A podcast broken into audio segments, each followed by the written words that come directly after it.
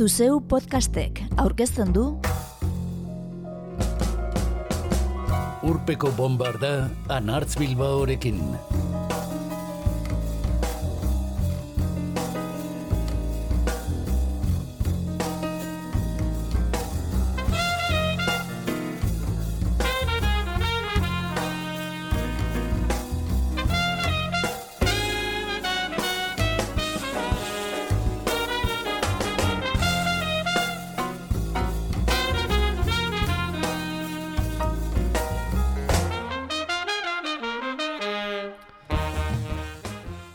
Artisten arteko lizkarrak ezinbestez oholtzara ere heldu izan dira maiz.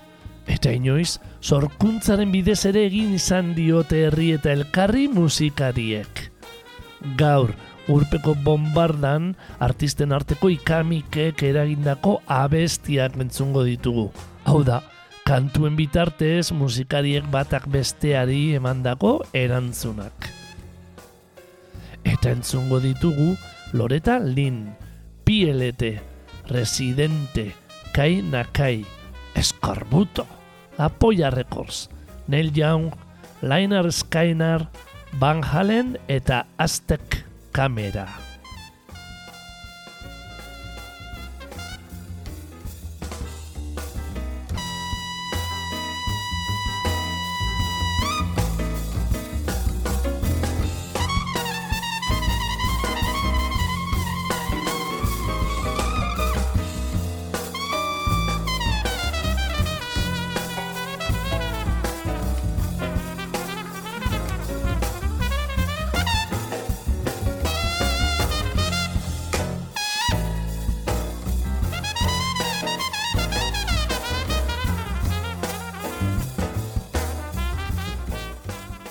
Musikarien arteko azerrek artistikoki izan dituzten erantzunak ekarri nahi ditugu gaur urpeko bombardara. Izan Euskal Herrian, zein atzerrian, izan punk estenan zein musika urbanoenean.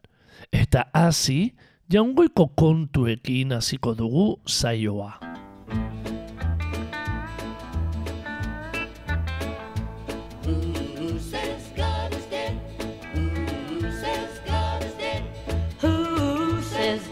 Dead? I'm a talking to him now. Who says God is dead? He's with us all right now. He knows every move that you make. He knows every time you make a mistake. The rumor has been spread. Who says God is dead? Who says God is dead? That stupid mighty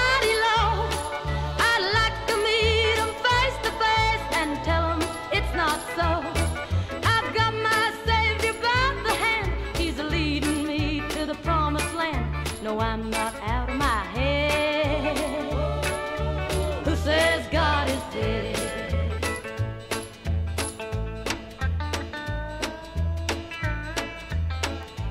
Who says God is dead?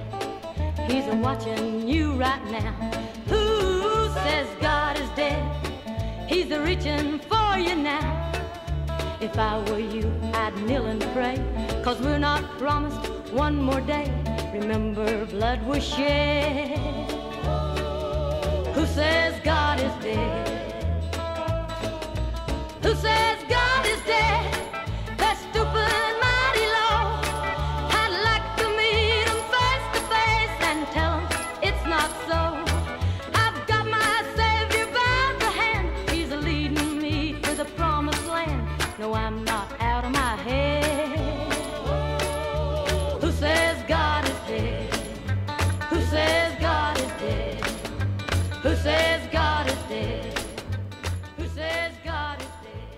Who Says God is Dead entzun berri diogu Loreta Lynn zenari. Country musikaren izar estatu batu harra 2008ko urriaren lauan hil zen. Eta urpeko bombardan monografiko bat eskaini genion. Laurogeita garren zaioa. Nork esan zuen jainkoa hilik zela, galdetu digu Loreta Linek, eta guk badugu erantzuna baina zaude lasai entzule. Badakigu eta ikatz mehatzarianen alabak etzuela kantua pielete buruan zuela idatzi. Txantxa bat baino ez da. Aitor Rabio, Rafa Rueda eta Xampek mila bederatzen da laro mabian eratu zuten pielete taldea, mungian. Irurte geroago Euskadi gaztea erratiko maketa lehiak eta ospetsua irabazi zuten. Eta debut lan argitaratu esan ozenki diskoetxean bere ala nabarmendu ziren. Besteak beste, hilda jainkoa kantutzarrari esker.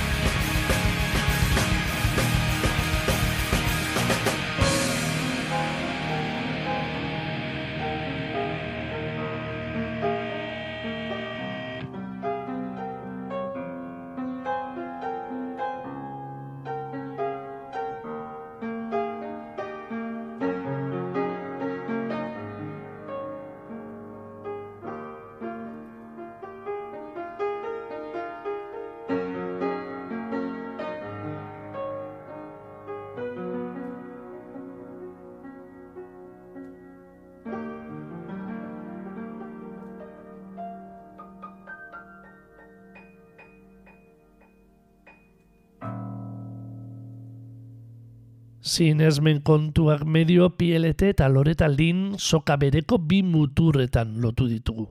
Elkarren arteko zerikusirik ez duten arren. Eta hip-hop zein reggaeton erritmoz egingo dugu aurrera. Oraingoan bai, musikarien arteko benetako ikamikekin. Rene Pérez Joglar Puerto Ricoarra oso ezaguna da rap munduan. Calle 13 bikoteko kide izan baitzen. Residente izen artistikoarekin. Eduardo Cabra bizitanterekin batera, pos lan luze plazaratu zituen Calle 13 eta mundu osoa dantzan jarri. 2008 geroztik Calle 13ko kideak bakoitza bere aldetik ari da musika munduan. Renek Residente izeneko diskoa plazaratu zuen 2008an. Eta arrez gero singleak argitaratzen ditu noizbenka. Desenteko jartzuna izaten dutenak. Hoietako bat, J Balbini tiratzeko erabili zuen. Ezaguna da residentek musika urbanoa jorratzen duen kantari kolombiarari dion ezin ikusia. Bizarrap ekoizle argentinarraren Music Sessions famatuetako berrogeita bederatzi garren atalean publiko egin zuena. J Balvin erregetoiaren izarrari sekulakoak esaten dizkio residentek, sortzi minutuko kantuan. Besteak beste, misogino eta rasista izatea leporatuz.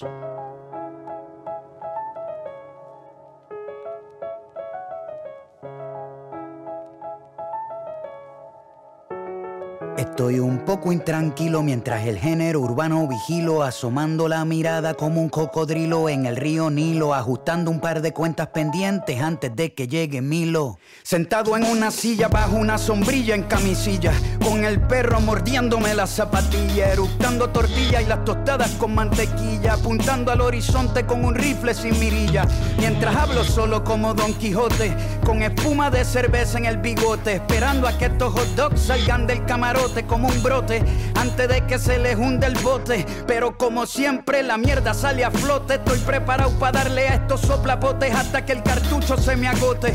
Hoy le tumbo el marketing de un tirón, como tumbamos las estatuas de Cristóbal Colón. Yo rompo esta chatarra como rockero en los 80, rompiendo su guitarra con el y tú te embarras. Hasta mis versos se volvieron alcohólicos porque hay demasiadas barras. Yo vengo del calentón, desde Trujillo suenan los tambores en la calle ropo pom pom, no hay discusión. Hasta mi hermano Tom sabe que en el rap hay un solo King Kong mandando fuego. Esto es White Lion, no hay juego. Como en los tiempos de Voltio Contego, tú y yo no somos iguales. Yo no creo en las estrellas de las plataformas digitales, ni en tus billboards de cremita de pastel, ni en tus historias de Instagram, Dolce Gabbana y Cartier. Solo creo en mi nivel y en el carbón de mi lápiz, corriendo por encima del papel. Esto lo hago para divertirme, para divertirme, para divertirme. Esto lo hago para divertirme, para divertirme, para divertirme.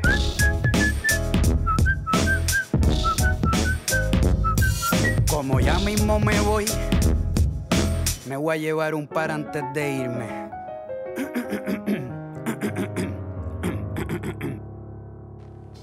Hoy me cojo a la industria de la fama, hasta romperle los resortes a la cama. Cuando mi palabreo se derrama, me los cojo sin pijama, vertical y horizontal, como en un crucigrama. En las tiraderas, soy el terror de los terrores de esta era. Para estos perdedores, las primaveras ya no son multicolores, porque donde tiro un punchline dejan de crecer las flores. Son artistas de quinta que escriben menos que un bolígrafo sin tinta. Cuando me ven se descomponen, color blanco pálido. Como los dientes de embuste que se ponen cuando la gorra con la R se avecina en la tarima entera empieza a oler a granja campesina porque estos raperos de mentiras se vuelven gallinas con mi rima cuando impongo disciplina como en China mi retina solo ve cabezas rodando por la colina la revolución francesa con la guillotina quemando vitrinas voy a todas voy pa encima con una botella una toalla y gasolina como en Palestina lo hago fácil como pelar cáscaras de mandarina cómodo como un asiento cuando se reclina soy Correa, Bae, Gil, Indoor, doble play de rutina. Esto no es por Instagram, esto se resuelve en la cabina. Los mato amarrándome la derecha y la izquierda, cantando canciones infantiles, saltando la cuerda. No hay break de que pierda. Si los meto a todos en una licuadora, sale una batida de mierda. Pa' dos minutos de canción tienen 20 escritores, hasta los manejadores son compositores. 500 dólares por un boleto, señores, por brincar como un pendejo vestido de colores. El autotune y el playback Estos bobos cantan hasta con el micrófono apagado. No se puede ser el líder campeón de campeones si te escribieron todas tus fucking canciones. Un hot dog bien hecho es delicioso. El problema es que no lo cocinaron. Estos mentirosos, estos vagos son golosos. No te llevan ni el plato a la mesa y se llevan la propina del mozo. Y no les da vergüenza, eso es lo vergonzoso. Las abejas hacen miel, pero se las come el oso. No se compra el respeto por ser talentoso. Una cosa es ser artista, otra cosa es ser famoso. Ah, hay que hacer una limpieza, mucho delirio de grandeza, poca destreza. Esto solo empieza, yo todavía voy por mi primera cerveza. Esto lo hago para divertirme, para divertirme, para divertirme. Esto lo hago para divertirme, para divertirme, para divertirme. Como ya mismo me voy, me voy a llevar un par antes de irme. Gabriel, ¿está bien así? Mm, en verdad está bien mierda, cabrón. Pero si le tiras a Balvin, puede ser que me guste. No, a Balvin no, cabrón. Es un bolón ese cabrón. Bueno, dale. Voy a rebajarme con un bobolón que le canta a SpongeBob y a Pokémon. La copia de un clon, el Logan Paul del reggaetón. Esto es más bajo que eyacular sin erección, como le dicen por ahí. Josecito, no tienes calle, por eso tienes los nudillos blanditos. Con solo un video entierro a este becerro y lo pongo a subir fotos con su perro. Este cobarde corderito mancebo es como un desayuno vegano sin huevo. El pueblo luchando los están matando y el tipo sube fotos de Gandhi rezando. Pendejo mentiroso, se hace el espiritual usando la salud mental para vender un documental. Tú eres más falso que un hot dog sin ketchup ni pan. Más falso que los abdominales de Luyan. Es tan inseguro el pana que tiene que estar anunciando por Instagram cuántas lana gana. No entiende los valores de la vida. Se tiene que tatuar la palabra lealtad porque se le olvida. Es un imbécil con tinte de cabello que puso a mujeres negras con cadena de perro en el cuello. Un blanquito que perdió el camino, todo un divino aceptando su premio de afrolatino. Un día dijo que quiso hacer reggaetón siendo franco al descubrir que Daddy Yankee era blanco. Mi llave, lo peor de todo y lo más grave es que este pendejo es racista y no lo sabe. La historia te va a dar un bofetón en nombre de todos los que bajo abuso recogieron algodón y otro bofetón en nombre de todos los que han tenido que batallar doble dentro del reggaetón. Mike Tower, Sex Keep Town, Rafa Pavón, Don Omar Ozuna, Arcángel, Tego Calderón son un montón que sin pensar metes debajo del cajón. En tu arcoíris de colores no existe el color marrón. Un sacrilegio, este blanquito de colegio todavía no entiende el fucking privilegio. Pero ¿qué esperan de este fracasado? Criado por su papá, un influencer frustrado. En Puerto Rico pa' que se la dieran en el reggaetón. Tragó más leche que un condón. Por cada mamada subió un escalón. Cada día disfrazado de un color distinto como un camaleón. Lo que dijo Rubén, el residente lo sostiene. Aunque cambie de color, yo siempre sé por dónde viene. Los camaleones velan por su propio ombligo. Se hacen pan hasta de sus enemigos. Nada más con el testigo. Los negocios son negocios socios. En los negocios no hay amigos. Lo mío no es negocio. Somos diferentes por la música. Yo pongo el corazón al frente. Mis billboards lo sostiene la gente junto a mis letras en cada pancarta para bajar un presidente. No soy el más famoso de todo el circuito, pero parto en 20 a tu rapero favorito. Lo que dije en Calma Pueblo lo repito. Conmigo comen, aunque no tengan apetito.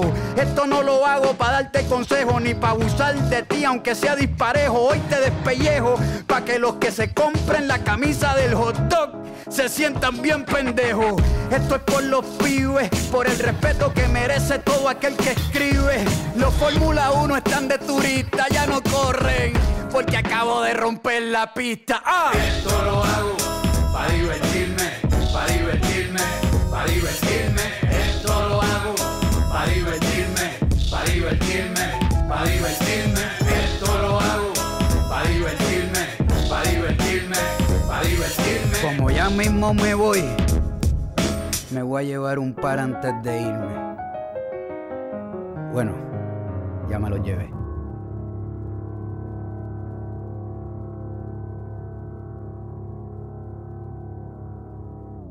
Gatozen orain, apenas erritmoz aldatu beharrik gabe, Euskal Herrira. Chill Mafia kolektibo nafarrak, gizon arruntaren koplak berrirakurrita oihartzun desente izan eta gutxira, sare sozialetan bata eta bestearekin kalapitak zituzten bitartean, kainakairen aurka ere oldartu ziren. Azken honen lana arbuiatuz, diru laguntzak jaso zituelako. Erregetoi euskaraz jorratzen duen iratxe agilera gazteiztarra da kainakai. Durangoko azokaren lehen sormen beka irabazita ama mila euro jaso zituena. Aran ondagoen aferaren jatorria. Txil mafiak esandakoen aurrean baina kainakaik etzuen bururik makurtu. Eta amabozka, amabos mila kantuarekin zorrotz erantzun zion kolektibo Nafarrari.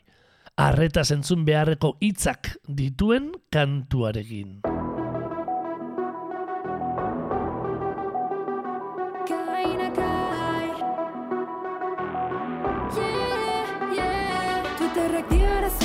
Bat duzuela nirekin Ea zer dudan egin, ama bos milarekin Beka lortzean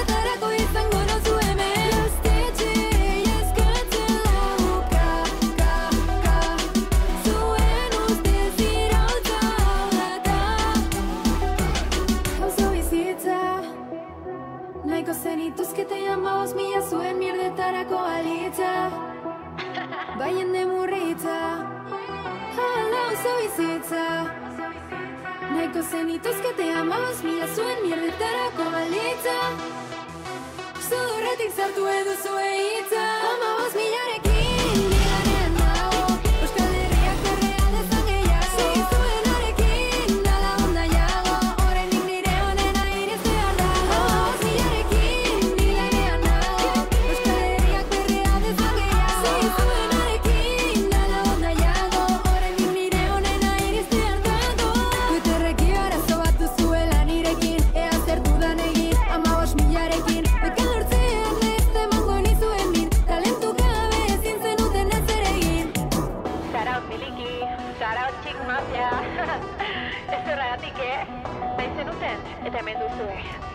Bai dela berpizkundea.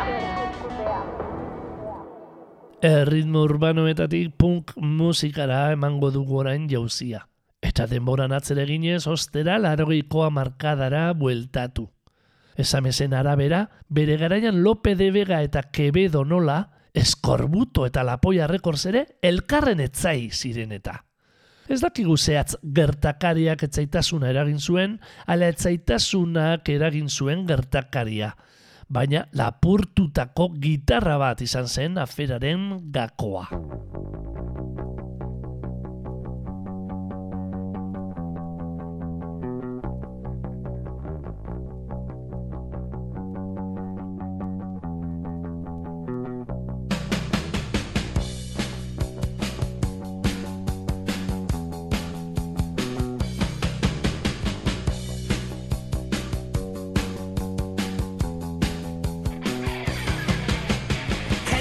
Ignorantes que antes nos tenían miedo, cogen confianzas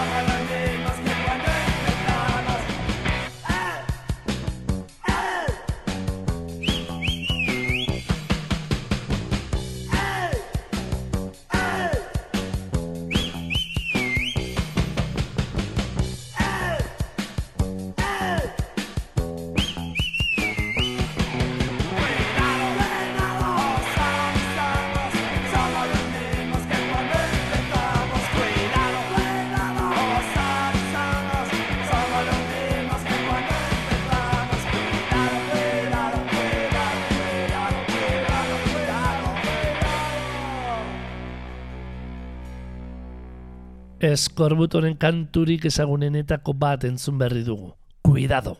Zarean aurki dezakezuen tesietako baten arabera, Lapoia rekorzi eskenia dagoena.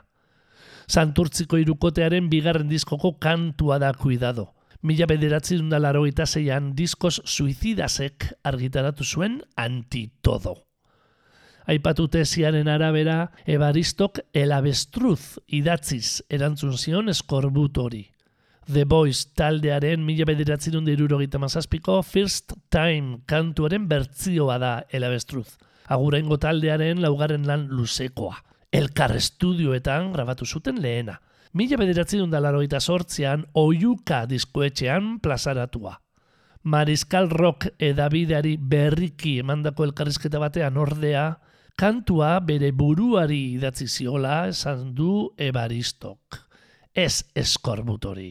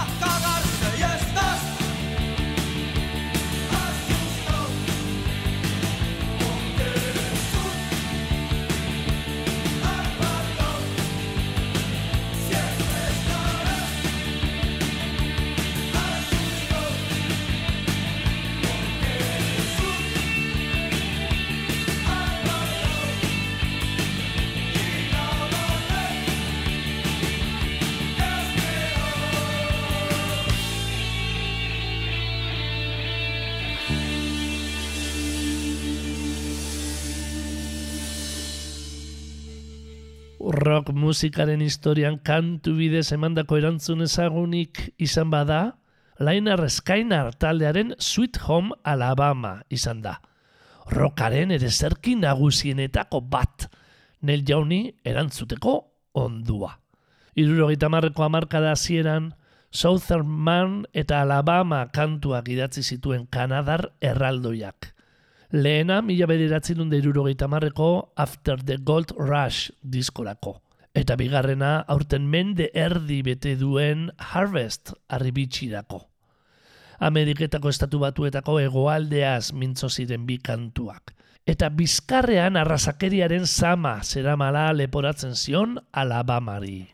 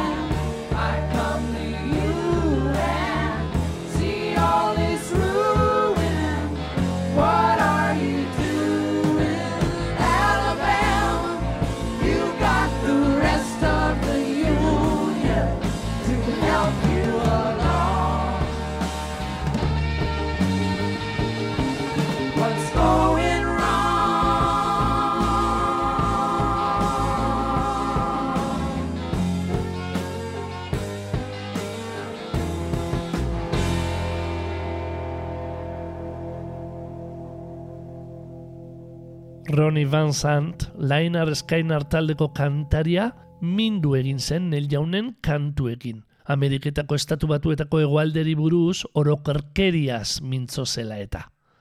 Gauzak horrela, mila bederatzen derurogeita malauko Second Helping diskoan argitaratu zen Sweet Home Alabama idatzi zuen. Zorkuntza bidez konpondutako afera honetaz aparte, badirudi Neil Young eta Liner Skynar taldeak miresmena ziotela elkarri. Young pozik agertu zen. Sweet Home Alabama kantutzarrean bere izena zuzenean aipatzen delako. Eta Van Sant behin baino gehiagotan igo zen oholtzak gainera, Neil Youngen t-shirta soinean zeramala. Floridako taldeak egazkin istripua izan zuen mila bederatzen deirurogeita mazazpian. Eta bertan zendu ziren Ronnie Van Sant kantaria eta Steve Gaines gitarra jolea, beste bidaiari batzuekin batera. Urte hartako azaroan omenaldia egin zitzaien, eta Neil Youngek ere parte hartu zuen. Kalapita eragin zuen Alabama jo zuen. Sweet Home Alabama kantuko pasarte batzuekin nahaztuta. Big